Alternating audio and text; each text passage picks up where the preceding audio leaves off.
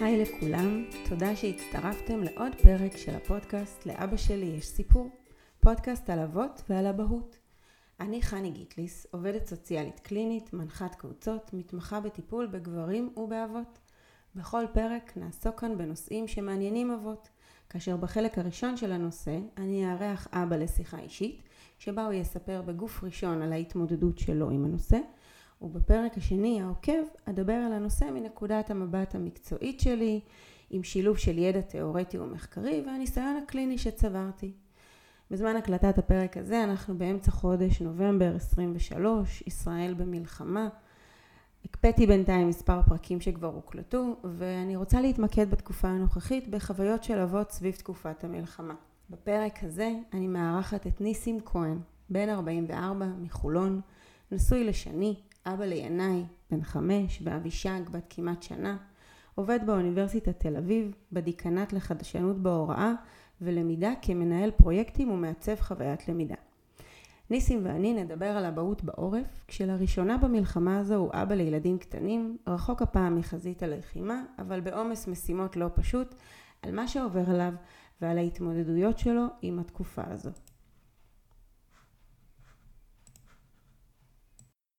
ניסים, אני ממש שמחה שבאת ככה להתארח ולדבר איתי אה, בעצם על התקופה הזאת. אנחנו מקליטים היום שישה שבועות מאז שהחלה המלחמה, וככה הזמנתי אותך לשיחה על אה, מה זה להיות אבא בתקופה הזאת של המלחמה.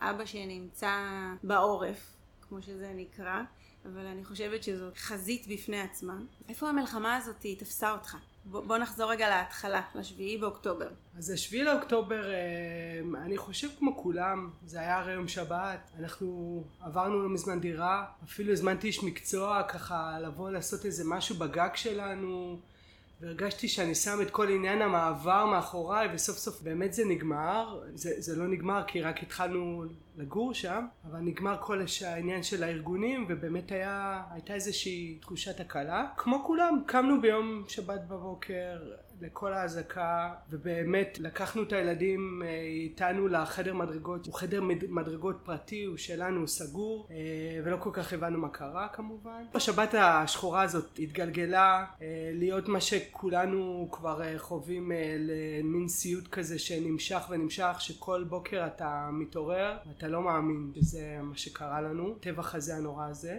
ואני חייב להגיד שזה קצת אני, אני ושני אשתי די אנשים של תכלס. אני הרגשתי שדווקא בלעשות את ה... לשמור על הילדים, להיות בבית, די הבנו מה אנחנו צריכים לעשות. זה אומר לנסות לתת אה, שגרה כמה שיותר טובה לילדים, זה שגרה אמיתית, זה אומר מה שצריך, אוכל וטלוויזיה, לדאוג להם מבחינת אה, מקלחות, ארוחות, כל מה שצריך. אבל מה שמתחולל בפנים זה, ה... זה, זה הקושי המרכזי, כי, כי אתה כאילו באיזושהי, כמו הצגה כזאת, שאתה לכאורה הכל בסדר, אה, אבל בפנים מתחוללת הסערה האמיתית. די מהר אני ושני אשתי החלטנו שאנחנו לא, לא מתחברים לטלוויזיה. למרות שמאוד רציתי להתחבר, אה, מאוד רציתי לראות מה קורה, היה מאוד מאוד חשוב לי, אבל מהר מאוד הבנו שהטלוויזיה אם היא תהיה פתוחה, ינאי הבן הגדול שהוא בן חמש אז הוא כבר מבין כל מה שהוא רואה, הוא, בן אדם, הוא ילד מאוד מאוד חכם, קטנה יותר קל כי היא בת שנה אז אה, יותר קל איתה, וככה ניסינו לשמור על עצמנו בתוך הדבר הזה ולשמור על, ה, על הילדים. אני חייב להגיד שזה, אני הייתי, ב, הייתי לוחם בצנחנים כשהייתי בצבא, וגם את כל תקופת המילואים שלי שלי עשיתי כלוחם קרבי בחטיבה דרומית של צנחנים. הייתי עשרות פעמים בעזה בכל המקומות הכי מסוכנים אם זה כרם שלום איפה שחטפו את אה, גלעד שליט ואם זה מוצב ארז ואם זה כפר דרום. עשיתי את כל המבצעים שהיו. השתתפתי בחומת מגן עמוד ענן עופרת יצוקה ובצוק איתן אה, גויסתי אבל בסוף הייתי בכוננות. זה אומר שאת כל התקופה שלפני שהייתי באמת אה, נשוי והיו לי ילדים אני רגיל לעשות בחזית? רגיל לקבל את הטלפון ורגיל יש לי תיק מוכן כבר עם כל הציוד. פשוט אה, רגיל לקחת את עצמי וללכת לצאלים איפה שנקרא לזה איפה שהיו שטחי כינוס תמיד. ופתאום הרגשתי שזה ממש ממש ממש אה, מוזר לי שאני לא, לא נמצא ב... לא נמצא שם. בעצם המלחמה הזאת היא קודם כל שונה בזה שאתה רגיל להיות בשדה הקרב והפעם אתה לא. הפעם אתה בבית בגלל גיל נכון? כן. סיימתי לעשות אה, מילואים בגיל 40, אני בן 44. קצת לפני סיום המילואים גם נפצעתי בכתף, עשיתי תאונות דרכים, הכל בסדר, אבל באופן טבעי הגיע הזמן של שחרור המילואים והשתחררתי ממילואים. אני גם תמיד מאמין שחיילים, נקרא להם ותיקים, הם צריכים לפנות את מקומם לצעירים שיגיע אדם חדש, כי אני מאמין שצעירים הם באמת, הם, יש להם יותר כוח, הם לוחמים יותר טובים, יש להם כושר יותר טוב, הם יותר מחוברים להוויה הצבאית כי הם לא מזמן השתחררו אולי, אז כאילו ככה הלכתי, הלכתי בכיף, גם עשיתי באמת שנים, עשיתי כמעט בטוטל משהו כמו כל עשרים שנותיי האחרונות, עשיתי בצבא, הרגשתי טוב. אז מעבר לתחושה הזאת של אני עכשיו בבית, אני כאילו הרגשתי שאני לא, לא מוצא את עצמי. אני מצד אחד מבין שיש לי שניים קטנטנים בבית, ויש לי אישה שאני חייב uh, לשמור עליהם, אישה שאני חייב לעזור לה עם הילדים, כי הם באמת uh, לא גדולים, והטיפול בהם הוא לפעמים אפילו נורא נורא פיזי, נקרא לזה ככה. זה, זה מצחיק, הפער הזה בין מה אני עושה פה Hello בבית, למרות שזה אמור להיות המקום הכי הכי טבעי בשבילי, אה, מה אני עושה פה לעומת, לעומת זה שאני גם מבין, אני רוצה אולי להיות שם, אבל גם לא בטוח שאני צריך להיות שם כי, כי זה מאוד מסוכן, ויש לי אחריות עכשיו. אני עד היום מרגיש שלא הצלחתי ליישב את הפער הזה בתוכי. אני חושב שניסיתי אולי בהתחלה כן למצוא, לחשוב, אני אתנדב, אני אולי אלך לבשל כי אני מאוד אוהב לבשל, אה, או שאולי אני, אה, אפילו, אפילו היה לי את התיק של כל הציוד במילואים מילואים אז חיפשתי למי אני עכשיו הולך ותורם אותו כדי שזה יגיע לחיילים כי היה חסר ציוד ויש לי פליזים ובאמת כל הציוד הכי טוב שהיה לי נתת. אז כאילו הרגשתי צורך מאוד מאוד uh, לעשות ועד היום לא השבתי את הפער הזה. uh, אני חושב שהתרגלתי עכשיו לצערי הרב התרגלנו למצב. אתה מתאר כאן משהו שהוא באמת uh, מאוד מאוד מאוד ייחודי לגברים בסיטואציה הזאת. כן. כאילו אם אנחנו מדברים על, על התמודדות של הורים אז יש כל מיני דברים שעולים בתקופת המלחמה אבל אתה אומר אני לא רק הורה הורה, אני אבא, אבא שיש לו גם עבר כלוחם, כן. ושברגע הזה שאנשים מתחילים להיות מגויסים בצו 8, אני לא רגיל להיות בצד שלא מגויס ונשאר, אני רגיל להיות בצד שהולך ומשהו קצת מתחיל לדגדג גם בללכת לשם. נכון.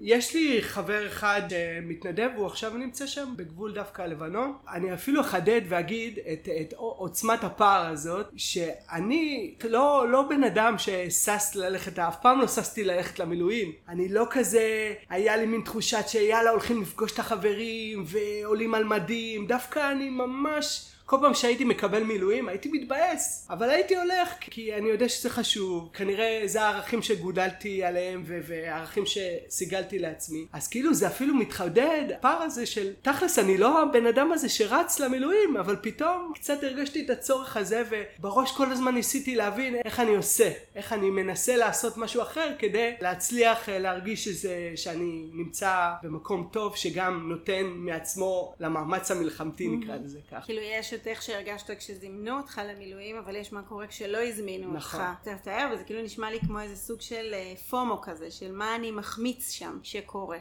באופן פרדוקסלי יותר קל להיות בחזית מאשר להיות בעורף. למה? כי מה אה, יש בעורף שיותר קשה עכשיו? בחזית זה מאוד ברור, אתה מגיע, יש לך כאילו מטרה, אתה מקבל נשק וכל הזמן יש עשייה וגם אם לא עושים הרבה אתה כאילו כל הזמן עושה. אז אתה באמת שוב, הדבר הזה שאתה הגעת למילואים בשבילו הוא, הוא מחזק אותך, הוא עוזר לך, אבל בבית זה, זה, זה לא פשוט. נכנסנו למצב של כאוס. מה זה אומר הכאוס הזה? שהילדים אין להם מסגרות. נגיד שאנחנו ככה נמצאים באמת במרכז, בחולון. נכון. אה, חוטפים הרבה טילים, אז כמובן שלא היו מסגרות אה, בתחילת הלחימה הזאת. היום אנחנו במצב שהבן הגדול הולך שלוש פעמים בשבוע לגן, והקטנה איכשהו גם חזרה לגן, אבל זה לקח זמן. וזה מין סיר לחץ כזה. אני בן אדם שרגיל לקום בבוקר, ללכת לעבודה, לחזור מהעבודה, ואז לעשות את התפקיד שלי בתור אבא. אשתי מטפלת, היא הרבה שעות אחרי צהריים מחוץ, מחוץ לבית, ואני דווקא מהאבות האלה שנמצאים הרבה עם הילדים, והוא רגיל להיות עם הילדים,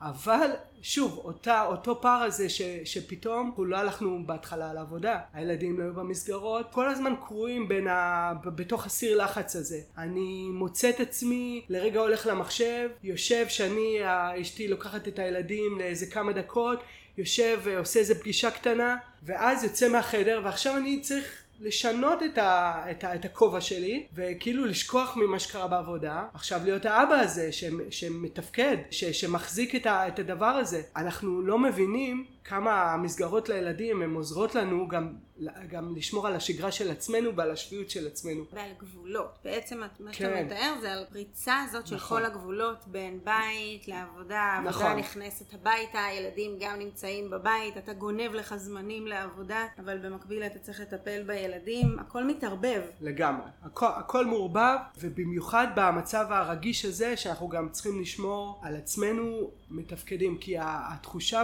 במלחמה הזאת, תחושה שאתה לא, לא מסוגל לעשות כלום, ו- וצריך להזכיר את זה. זה.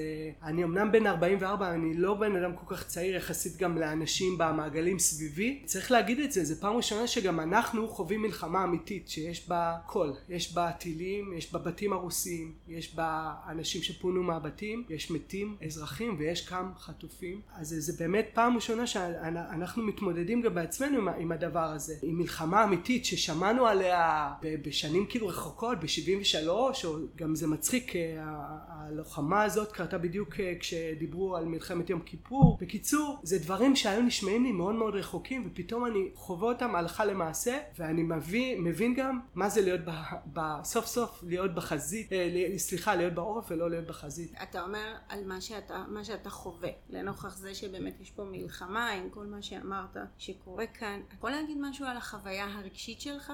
בתקופה הזאת?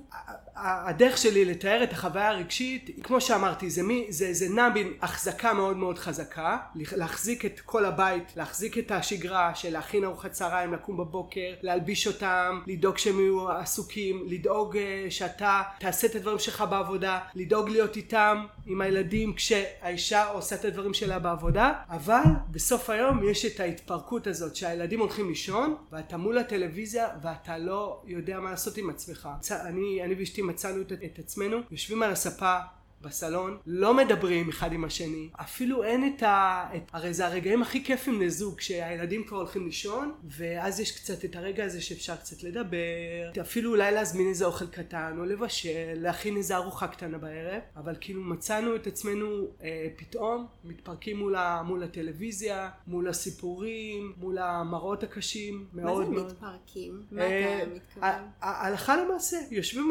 יושבים מול הטלוויזיה ופשוט בוכים, ולא מצליחים צריכים להוציא מילה. אני לא חושב שזה דווקא קשור להיותי, אנחנו פה בפודקאסט שעוסק באבהות. אני חושב שמה שאני, שאמרתי עכשיו זה, זה איזושהי תחושה שליוותה כל ההורים, ש, שהיו צריכים לראות את, את הזוועות האלה וגם לחשוב על הילדים שלהם ואיך אני מגן עליהם. פשוט תחושה, כאוס הוא גם אה, חיצוני של של הכל מתערבב, אבל הוא גם מאוד מאוד פנימי כזה. אתה יודע שאמרת, אנחנו בפודקאסט על אבהות, אבל זאת חוויה של הורים, ואולי לפעמים באמת ההבנה היא שהאבהות גם הרבה מאוד דומה לאימהות. אני זוכרת שהיה איזה שיר כזה קצר שנתקלתי בו.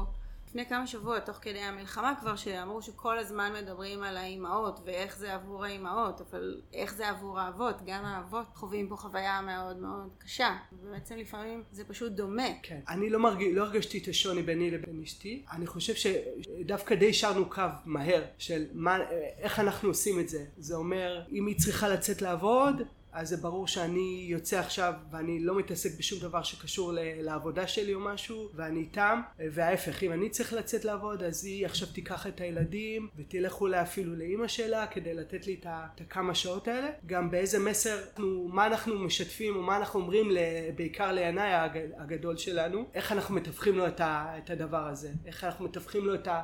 את הטילים ואת ה, את המלחמה. אני חושב שגם הוא עבר איזושהי התבגרות בנושא הזה, כי בהתחלה הוא היה שואל אותנו כזה בצחוק, תגידו מה, מתי הולך להיות טילים? כאילו איזה, יש עכשיו איזה מופע כמו מופע ב- ביום העצמאות שמחכים לזיקוקים, מתי יש זיקוקים אז מתי יש טילים. כל הזמן ניסינו להגיד לו, להסביר לו, אנחנו באמת, אנחנו שומרים עליו, יש לנו את המרחב המוגן של, ש, שלנו ואנחנו כביכול מרגישים מוגנים ויש לנו את כיפת ברזל, אבל זה לא, לא דבר טוב. אבל מצד שני אתה גם מפחד אה, יותר מדי להגזים, כאילו מה אתה, אתה לא רוצה להפחיד אותו. הדבר העדין, הנימים העדינים האלה של המשחק הזה בין כמה אתה רוצה כן קצת לחבר אותו למה שקורה, בין כמה אתה שומר עליו. כמו שאמרתי, בין, בינינו היינו מאוד מיושרים במה צריך להגיד ואיך צריך להגיד, אבל רוצה לספר על איזה מקרה ששנינו אה, ככה הרגשנו קצת חסרי מילים, או חסרי, לא יודעים מה, מה לעשות. בימים האחרונים, כמה ימים לפני שאנחנו מקליטים פה, אני ינאי ביקש שאני אשים לו טלוויזיה וכשהפעלתי את הטלוויזיה זה ערוץ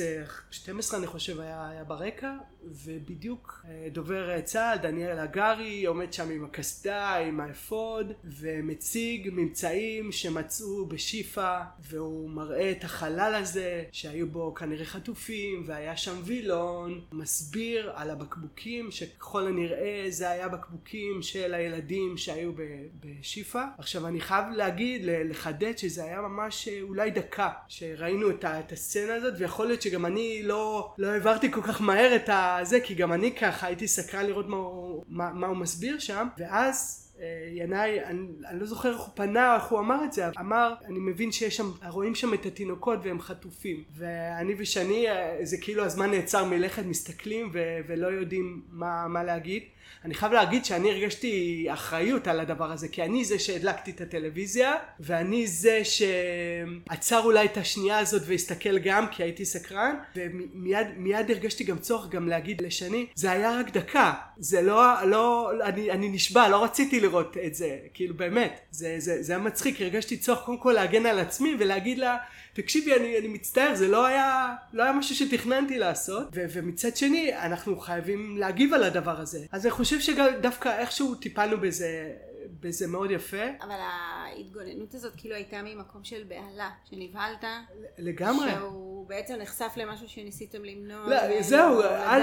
לשמור כל עליו. כל כך הרבה זמן, באמת כל כך הרבה זמן, ש- שמרנו עליו לכאורה, ו- ופתאום זה בשנייה נפרץ. הוא באמת הצליח אולי בדקה שהוא ראה לזקק את בדיוק את מה שקרה. אני לא יודע אם דיברו איתו לפני, אני ושני לא הזכרנו את המילה חטופים, אז אני לא יודע אם הוא שמע את זה לפני, אבל, אבל הוא, הוא כאילו הבין, ואפילו אמר לנו דבר נורא נורא עצוב, הוא אמר, ל, אמר לשני שהוא לא רוצה שיבואו לקחת את אבישג הקטנה, שהרעים האלה לא יבואו לקחת אותה. ניסינו די מהר להתעשת ואז, ואז בא ההסבר של קודם כל הם נמצאים מאוד מאוד רחוק ויש לנו אנשים שמגנים עלינו.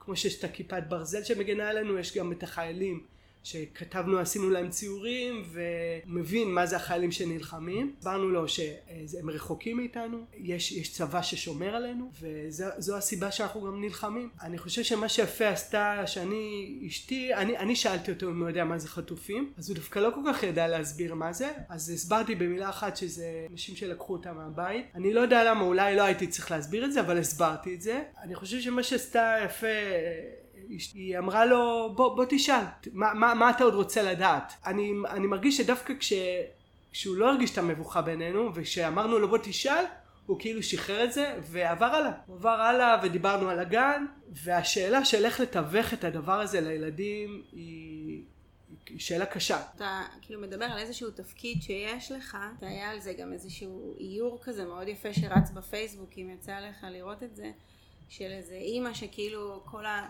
הסערה הזאת וכל הטירוף מאחוריה וכאילו שאומרת ש, שזה לא יגיע לילד. ובעצם כאילו אתה כהורה רוצה שיהיה לך לוקח על עצמך את התפקיד הזה של להיות החוצץ הזה שמפריד בין הילד שלך לבין הידיעות הזוועתיות שכשאתה נחשף אליהן אתה בוכה ואתה מתפרק ואתה צריך להיות מאוד מאוד בהחזקה ועל הילד שלך אתה רוצה לשמור וזה בעצם האינסטינקט האבהי הזה. האחריות, ההתגוננות הזאת הייתה באמת פחד של מה, מה הוא ראה ומה זה יעשה לו. ועלתה לי שאלה תוך כדי שדיברת עם, אה, גם סיפרת לו על, על זה שגם אתה השתתפת במלחמה כשם כחייל. האמת, זה קצת מצחיק שאני לא זוכר ש... שאמרתי, הוא יודע שהייתי חייל, דווקא הוא ראה תמונה של, אה, של שני עם, איזה, עם המדים, אבל דווקא שלי הוא לא ראה, וזה קצת, אה, אולי, אולי זה משהו שהייתי צריך להראות לו, כדי שיבין שגם אני, חוץ מזה שאני אבא ששומר עליו, אלא גם אני הייתי פעם בתפקיד הזה ששומר על עם ישראל, או כאילו על, עלינו. וזה אולי גם מחדד קצת מה שאמרתי קודם, שאף פעם לא הרגשתי את הצורך הזה להגיד שהייתי קרבי והייתי לוחם. זה משהו שעשיתי, זה משהו שעשיתי והוא נמצא לי בכיס, אבל אני לא תמיד. מגדיר אותו כחלק מהזהות שלי. אני הרבה דברים לפני, אני באמת אבא, אני איש שמתעסק באוניברסיטה בדיגיטל ואני מייצר תוכן, אבל דווקא פחות אני חייל שהולך למילואים, שהיה במילואים, או פחות חייל שהיה קרבי. אבל בתקופה הזאת, כשהצבא ככה מאוד במוקד, והלוחמים, זה גם מעלה אצלך זיכרונות, או מציף משהו בתקופה? בתקופה הזאת? כאילו, יש גם הסתכלות על זה גם במקום של מי שהיה בעצמו בלחימה? תראי, חשבתי על זה הרבה פעמים לאו דווקא בתקופה הזאת, אלא בכלל. אני חושב שהיה לי מזל. אוקיי, למה? כי באמת עשיתי המון מבצעים, הייתי בתוך לבנון עוד לפני שהחזירו אותה וגם הייתי בעזה לפני שיצאנו מגוש קטיף ולכאורה אני אמור להיות קצת פוסט טראומטי כמו הרבה מאוד חיילים שחוו את הדבר הזה ו- ואני דווקא מרגיש ש- שזה לא, לא עלה בי דברים uh, שליליים דווקא זה מחבר למה שאמרתי בהתחלה דווקא הדבר החיובי שעלה מזה זה איזושהי תחושה שכן אני עכשיו צריך לעשות משהו. ו- וכן להשתתף שם למרות שאני יודע שזה מסוכן. שוב יש לי אחריות ואני צריך לשמור על הילדים וצריך לעזור בבית. ואני גם אבא כזה שהוא נמצא בבית. אני עושה הכל. אני כאילו גם, גם מבשל גם מנקה, גם uh, מטפל בהם, אני יודע לעשות הכל בבית. דווקא החלוקת תפקידים בינינו היא קצת הפוכה. דווקא אני זה ש... החלוקה המסורתית. כן, החלוקה המסורתית של האימא שהיא מביאה את הדמות היותר רכה, ודווקא אין, החלוקה בינינו היא קצת שונה בהקשר הזה. אז אני לא, לא מרגיש שזה הציף בי איזה שהן uh, תחושות. אני דווקא, אני חושב שהיה לי מזל, פשוט. זה, זה המזל שלי, שלא...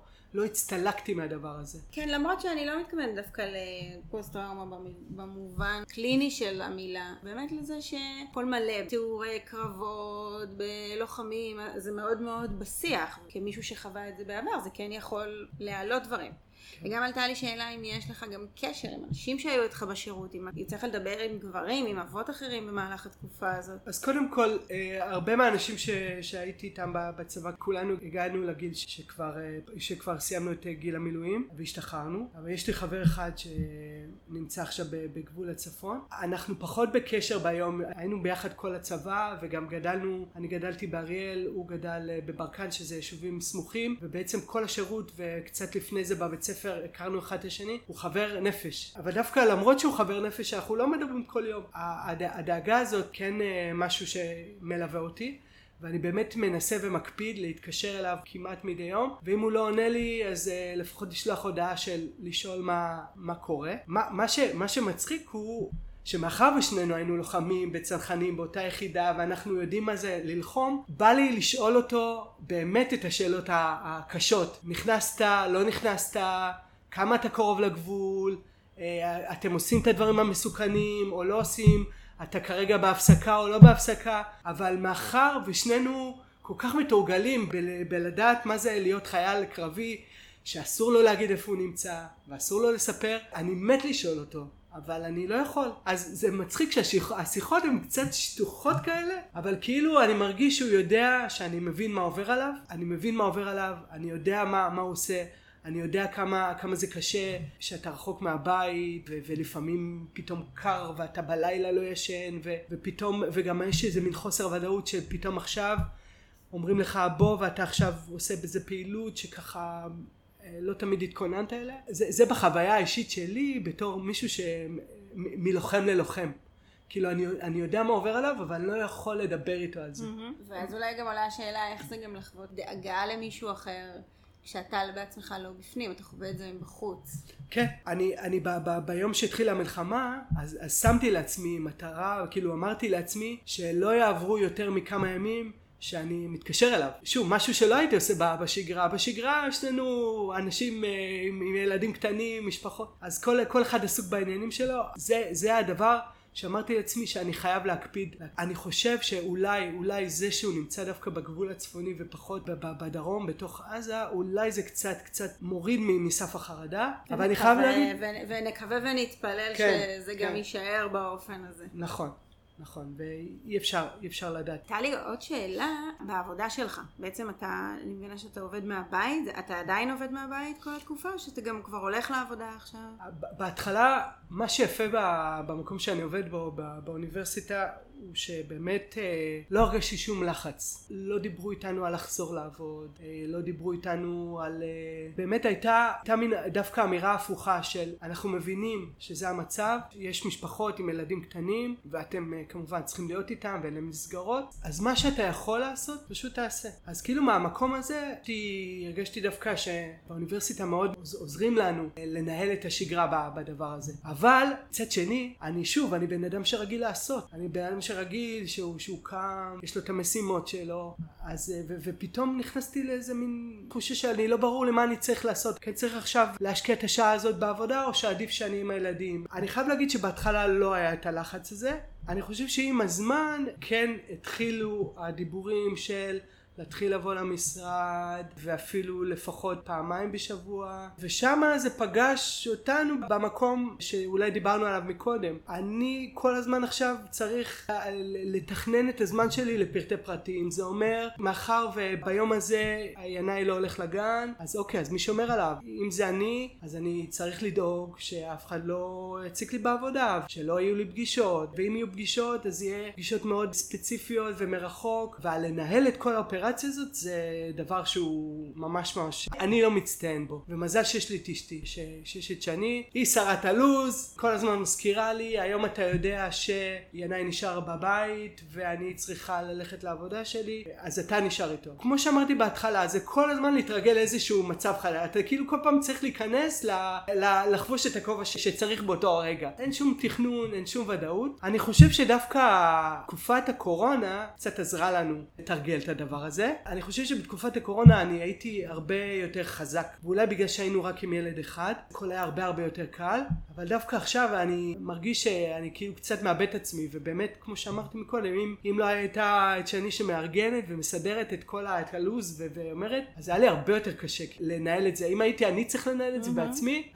אף אחד לא היה הולך לגן, הכל היה מתערבב, אני לא הייתי מגיע לפגישות, או לא יודע, whatever. שבעצם מה שהיא עוזרת זה לעשות מחדש את ההגדרה הזאת של הגבולות, איפה נמצאים בכל זמן, מי נמצא, עד מתי, נכון. וזה הדבר הזה שעושה סדר. כן. ממה שאמרת לגבי העבודה שלך, אז בעצם הם לא עושים גם איזושהי הבחנה בין אימהות לאבות, כאילו יש הסתכלות על הורים לילדים צעירים? לגמרי, לגמרי. אני חייב להגיד שוב, שזה, אני חושב שזה קצת מקום מיוחד באוניברסיטה. כל הזמן שדיברתי נגיד עם, עם המנהלת שלי וגם עם, המזכירה של, של היחידה שלנו, אז אף פעם לא הרגשתי שאומרים לי, שמתייחסים אליי כאבא ולא כמו אימא. אם הייתי אומר שאני צריך להיות בבית, אז אף אחד לא שאל אותי את השאלות. אני אומר, אולי התמזל מזלי, כי אני יודע שבמקומות אחרים יש כאלה שגם עובדים בעבודות שהן נדרשות, אז באמת לא עשו את ההבדלים האלה, ובאמת כל הזמן דיברו על, על מי שצריך להיות בבית, שיישאר בבית, כי זה מאוד ברור שיש לך ילדים קטנים, וזה התפקיד שלך, זה התפקיד הראשון שלך, עוד לפני התפקיד mm-hmm. של העבודה שלך. יש את ההכרה הזאת. כן, יש, יש לגמרי את ההכרה הזאת. שוב, אני חושב שפה, מבחינה זוגית, אני לא אגיד שזה עוזר לחדד את, לחזק את הזוגיות, אבל הסיטואציה הבלתי אפשרית הזאת, ברגע שאתה חווה אותה ואתה מצליח לעבור יום אחרי יום אחרי יום, היא קצת מחזקת כבית, כמשפחה. במקום של השיתוף פעולה ביניכם, העבודת צוות הזאת שאתה מתאר, או גם במקום של תמיכה אחד בשני? אז, אז, אז גם וגם.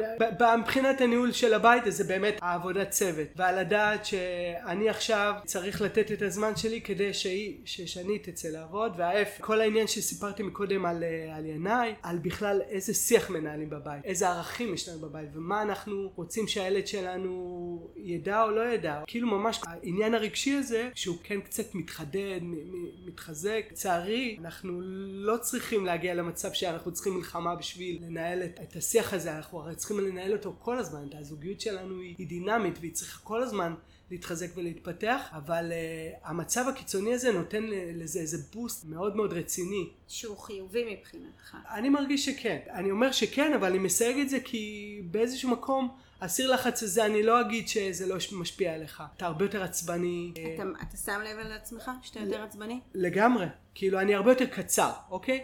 שוב, הסיר לחץ הוא של כולם. אז, אה, אז עיניי בבית כבר הרבה ימים והוא משתגע. אז, אה, ו- ואין לו מסגרת. אז יש מלחמה על הטלוויזיה. ויש מלחמה על בוא, בוא ונעשה דברים אחרים. ולא רק טלוויזיה. יש מלחמה על אה, בוא, בוא נשמור את, ה- את השגרה שלנו. ובאמת, אני... זה, זה רק מול הילדים אבל שאתה יותר קצר, או שגם בזוגיות, או עם אנשים אחרים אתה יכול להרגיש את זה? אני חושב שזה בא לידי ביטוי בעיקר מול, מול הילדים, מול ינאי. הגדול, כי הקטנה... קטנה יש לה את הצרכים שלה בגלל שהיא קטנה יותר קל מבחינה מחשבתית כשהיא צריכה עזרה אז היא מקבלת mm-hmm. אותה אבל דווקא איתו אתה יכול להגיד לו רגע אבא עסוק או אבא עכשיו מול המחשב או אבא צריך, אבא צריך לעבוד או גם הרבה יותר קל לנהל ילדה בת שנה נכון מאשר ילד אה, בן חמש שה...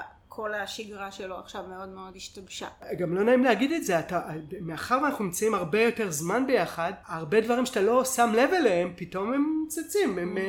אתה מבין שהוא אולי קצת ילד יותר רגיש, ואיזה מענה אתה צריך לתת לו, ואתה אולי חשבת שהוא קצת יותר עצמאי, אבל פתאום הוא כל הזמן, אבא בוא תשחק איתי, אבא בוא תשים לי טלוויזיה, אבא בוא תשים לי שיר, אבא בוא... כאילו כל הזמן זה הרבה אבא, אבא, אבא, שביום יום אתה כאילו לא מרגיש את זה, כי אתה הולך לעבודה, אתה חוזר, יש לך את הכמה שעות האלה שהן מאוד uh, מתוחמות בזמן, ויש uh, לו"ז מאוד מאוד uh, ידוע מראש, שזה קצת uh, עבודה, קצת uh, זמן משחק משותף של בית, ומהר מאוד זה הופך להיות ארוחת ערב, מקלחות ו- ושינה. אז פתאום הזמן הופך להיות הרבה יותר פלואידי, אתה צריך לתת מענה, אתה צריך לתת, אה, לתת את עצמך שם. אז, אז הלג'נגל הזה בהחלט הפך אותי להרבה יותר קצר, אין, אין לי ספק. אני חושב שזה בא באמת יותר לידי ביטוי מול הילד. בזוגיות זה פשוט, כמו שאמרתי, הרבה פחות לדבר, כי יש הרבה מאוד עצב, אז הרבה פחות מדברים, הרבה פחות של הביחד הוא הופך להיות כלל שונה, אז שמה זה קצת, אני מרגיש שזה השפיע. הביחד הוא ביחד שונה, הוא ביחד של מלחמה, הוא ביחד של להיות מול הטלוויזיה ולבכות, או קצת לדבר על המצב ולדבר מתוך הבטן שלך. אז, אז נראה לי שגם זה מה שקורה מול הילד שלך, זה בעצם יכול לשבת בדיוק על אותו מקום. בזוגיות עם אשתך אתה מדבר את הרגשות הקשים, ועם הילד אתה מאוד, כמו שאמרת, אני מוחזק, כן. אני צריך להיות האבא, אני בתפקיד, אבל הכעס הוא הרבה פעמים הדרך שבה הרגש משפריץ החוצה. ואיתו אתה לא יכול לדבר על כמה כואב לך וכמה עצוב לך וכמה המצב הזה הופך אותך. כן, אני, אני זוכר את עצמי, אני, אני עדיין משתדל לעשות את זה, שכל בוקר להתעורר ולהגיד לעצמי, אתה היום רגוע, אתה לא מתפוצץ, אתה לא כועס, לא מאבד את זה, כאילו, כי, כי אתה גם צריך להבין אותו. ו, וזה עוד פעם, כאילו, אתה לא יכול, המצב הזה הופך, הופך את הכל לשק של רגשות האשמה גדולים שהם כל הזמן מלווים אותך. אמרת משהו שלא רצית שהוא ישמע על המלחמה, אז אתה אוכל את עצמך על זה. שמת את הטלוויזיה ולא רצית שהוא יראה, רצית לעבוד אבל הילד שלך היה, היה צריך אותך, מה, מה עכשיו אני עושה? אני, אני, אני עושה את זה או עושה את זה? אז עוד פעם, אז אם אני בעבודה אם אני עכשיו רגע על המחשב ועובד מהבית, אז אני לא איתו. אז כל הזמן זה מין איזשהו שק של רגשות אשמה מאוד גדולים. יש גם ממש איזושהי מתקפה של מה ש... הרבה מאוד מה שצריך, הרבה פחות מה שרוצים. ואני חושבת על מה שאתה אומר לעצמך בבוקר, אתה אומר, אני, היום אני אהיה רגוע, שהכל מאוד מאוד כאוטי מסביב, אז אתה כנראה לא רגוע, אתה מאופק. ואיפוק לא תמיד מחזיק. מפה מגיע המקום הזה, שזה פשוט יוצא באיזשהו כן, שלב. אם אני אתן לעצמי ציון, על, על איך, אני, איך אני תפקדתי עכשיו בתקופה הזאת, או עדיין מתפקד בתקופה הזאת, אז אני יכול בוודאות להגיד שאני לא אבא, שאני לא היסטרי, אני לא היסטרי מהמלחמה, אני לא mm-hmm. היסטרי מהאזעקות, לא, לא, לא תראי אותי רץ מהר ולוקח אותם ואני חושב שזה אולי כן דבר טוב שאני, שהצלחנו לעשות גם אני וגם שני, שכן לשמור על איזשהו, איזה מין רוגע כזה. אני לא יודע איך הצלחנו, יכול להיות שדווקא בגלל העבר הצבאי שלי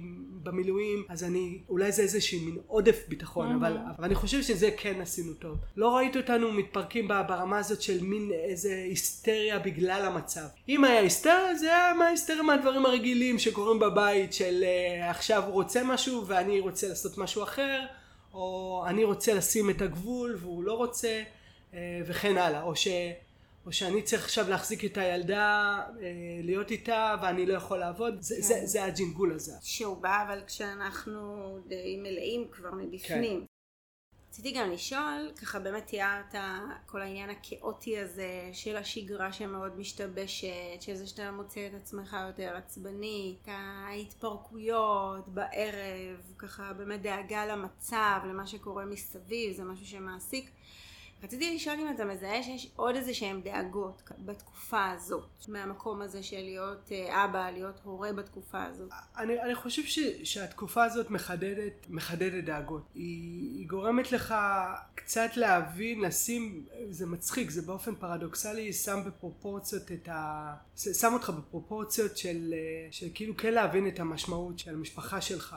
כאילו אנחנו קצת נוטים בשגרה לעשות את הדברים כזה על אוטומט.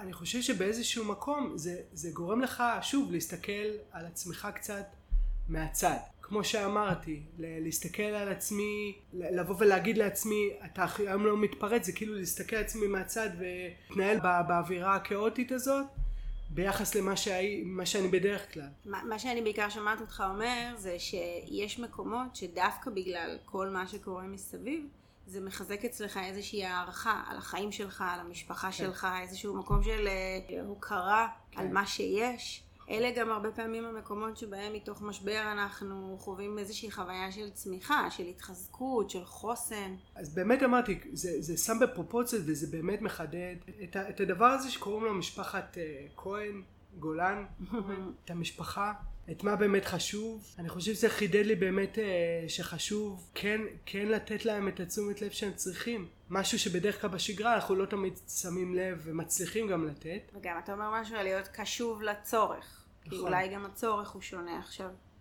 רציתי לשאול אפרופו להיות קשוב לצורך, כי אמרנו הרבה על מה צריך לעשות. אבל אם יש גם משהו שאתה בתקופה הזאת עושה בשביל עצמך, אם יש משהו מהחיים השגרתיים שלך שאתה משמר, שאתה מקפיד כן לעשות, אם יש משהו חדש שהתחלת לעשות כדי לדאוג לעצמך.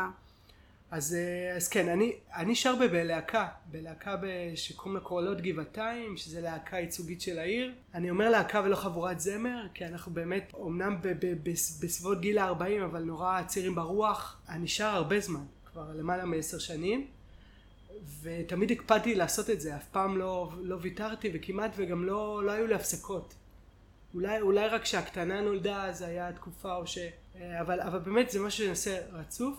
בלהקה עלתה, עלתה השאלה אם אנחנו בכלל מסוגלים, קודם כל עזבי את העניינים הטכניים של איפה אנחנו נפגשים בכלל, כדי שנוכל לשיר, כי זה לא, לא זה, זה פתאום לא טריוויאלי לשיר במקום, אתה צריך שיהיה לך מרחב מוגן, מרחב מוגן ללכת אליו, אם יש אזעקות ו, וכדומה. אז מעבר, מעבר לעניינים הטכניים, עלתה גם השאלה אם אנחנו מסוגלים לשיר. אני, אני הכל, שכן מיד שאמרו שרוצים לחזור, אם, אם אנחנו רוצים לחזור, אז מיד אמרתי שכן, כי, כי הרגשתי שזה, שזה משהו שבאמת רק יכול לחזק. קודם כל לראות אנשים, לראות אנשים שאין מה לעשות, בתקופה הזאת אנחנו פחות יוצאים מהבית, טילים כמובן, אתה לא, לא נוסע לאן שבא לך, אפילו משפחה לצערי לא יצא לי לראות כמעט, כי המחשבה של לנסוע בדרך ויפלו עלינו טילים ולפרוק שני ילדים קטנים מהאוטו ולהישכב על איזה בטונדה בחוץ או על הזה, זה משהו שאתה לא יכול להכיל, אז גם את המשפחה לא ראיתי הרבה, ו- וגם כמובן חברים, בכלל, פחות רואה אנשים. ואני יכול להגיד שכשנפגשנו בפעם הראשונה, היה ב- ב- בחזרה הראשונה, שמיד אחרי שחזרנו בעצם, היה, הייתה חזרה קשה. היה מאוד קשה לשיר, באמת, להוציא, להוציא את, ה- את הדבר הזה. צריך אוויר בריאות כדי לשיר, לא? כן, כן, אני, אני חושב ש, שאם היית שומעת עלינו, היית אומרת, מה הם לא, לא, לא יודעים לשיר באמת. אנשים כאילו שכחו את הכל, שכחו. את המילים, שכחו את ה, איך הם צריכים לשיר, הכל יצא, היינו נורא שקטים, נקרא לזה ככה. כן היה ברור שבאופן פרדוקסלי, אני, יש נטייה לשיר את כל השירים העצובים ולחשוב על העצב. אבל זה דווקא הדבר מאוד, אה, מאוד טוב ומאוד משמח. ואפילו המנהל של הלהקה אה, סיפר על, אה, על מקרה שהוא היה צריך, הוא גם המנהל של הגבעתרון, הוא היה צריך לשיר עם הלהקה שלו עם הגבעתרון מול מפונים, אבל הוא אומר שאפילו המפונים ביקשו את האפרים, שביקשו שישירו את השירים השמחים. אז גם אנחנו בלהקה. אני מרגיש שמכל הדברים של השגרה זה משהו שכן הצלחתי לחזור לעשות לעצמי. מדהים. זו פעם, פעם בשבוע אני מקפיד ללכת, וזה כמובן בצל המלחמה. עכשיו למה אני אומר בצל המלחמה? עוד פעם, הרגשי אשם שדיברנו עליהם אה, מקודם, אז קודם כל, איך אני הולך ומשאיר את אשתי לבד, להתמודד עם, ה, עם הטילים וטכנית, איך היא תיקח אותם לחדר מדרגות. אה, ינאי הוא לא, הוא, הוא ילד בן חמש, אבל הוא כבר שוקל איזה, כבר שוקל.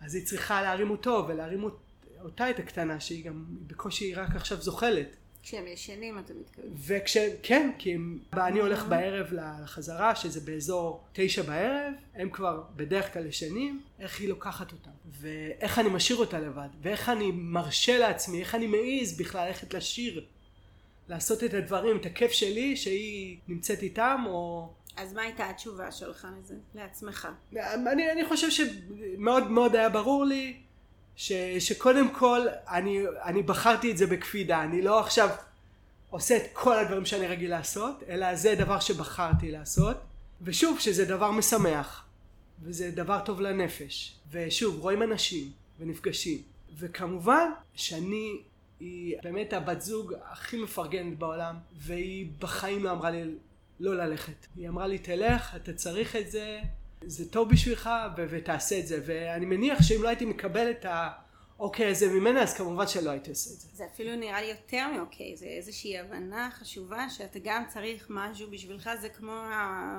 המטען של הסלולרי, כמה הוא יכול לעבוד, באיזשהו שלב צריך להטעין את הסוללה. אני חושבת שאנחנו באמת נורא חשוב בתקופה הזאת למצוא את הדברים שמתאינים לנו את הסוללה כדי שיהיה כוח לעשות את כל נכון. התפקידים ולג'נגל את הכל. אני יכול להגיד אפילו ש... שבמשפחה המורחבת שלנו מבינים כמה זה חשוב לי אז אפילו או תמיד אח של שאני הגיע בשביל להיות איתה למקרה ש... ובאמת פעם חזרה אחת בינתיים היו אזעקות והייתה צריכה לסחוב אותם לחדר מדרגות והיא עשתה את זה אה, בגבורה. בגבורה.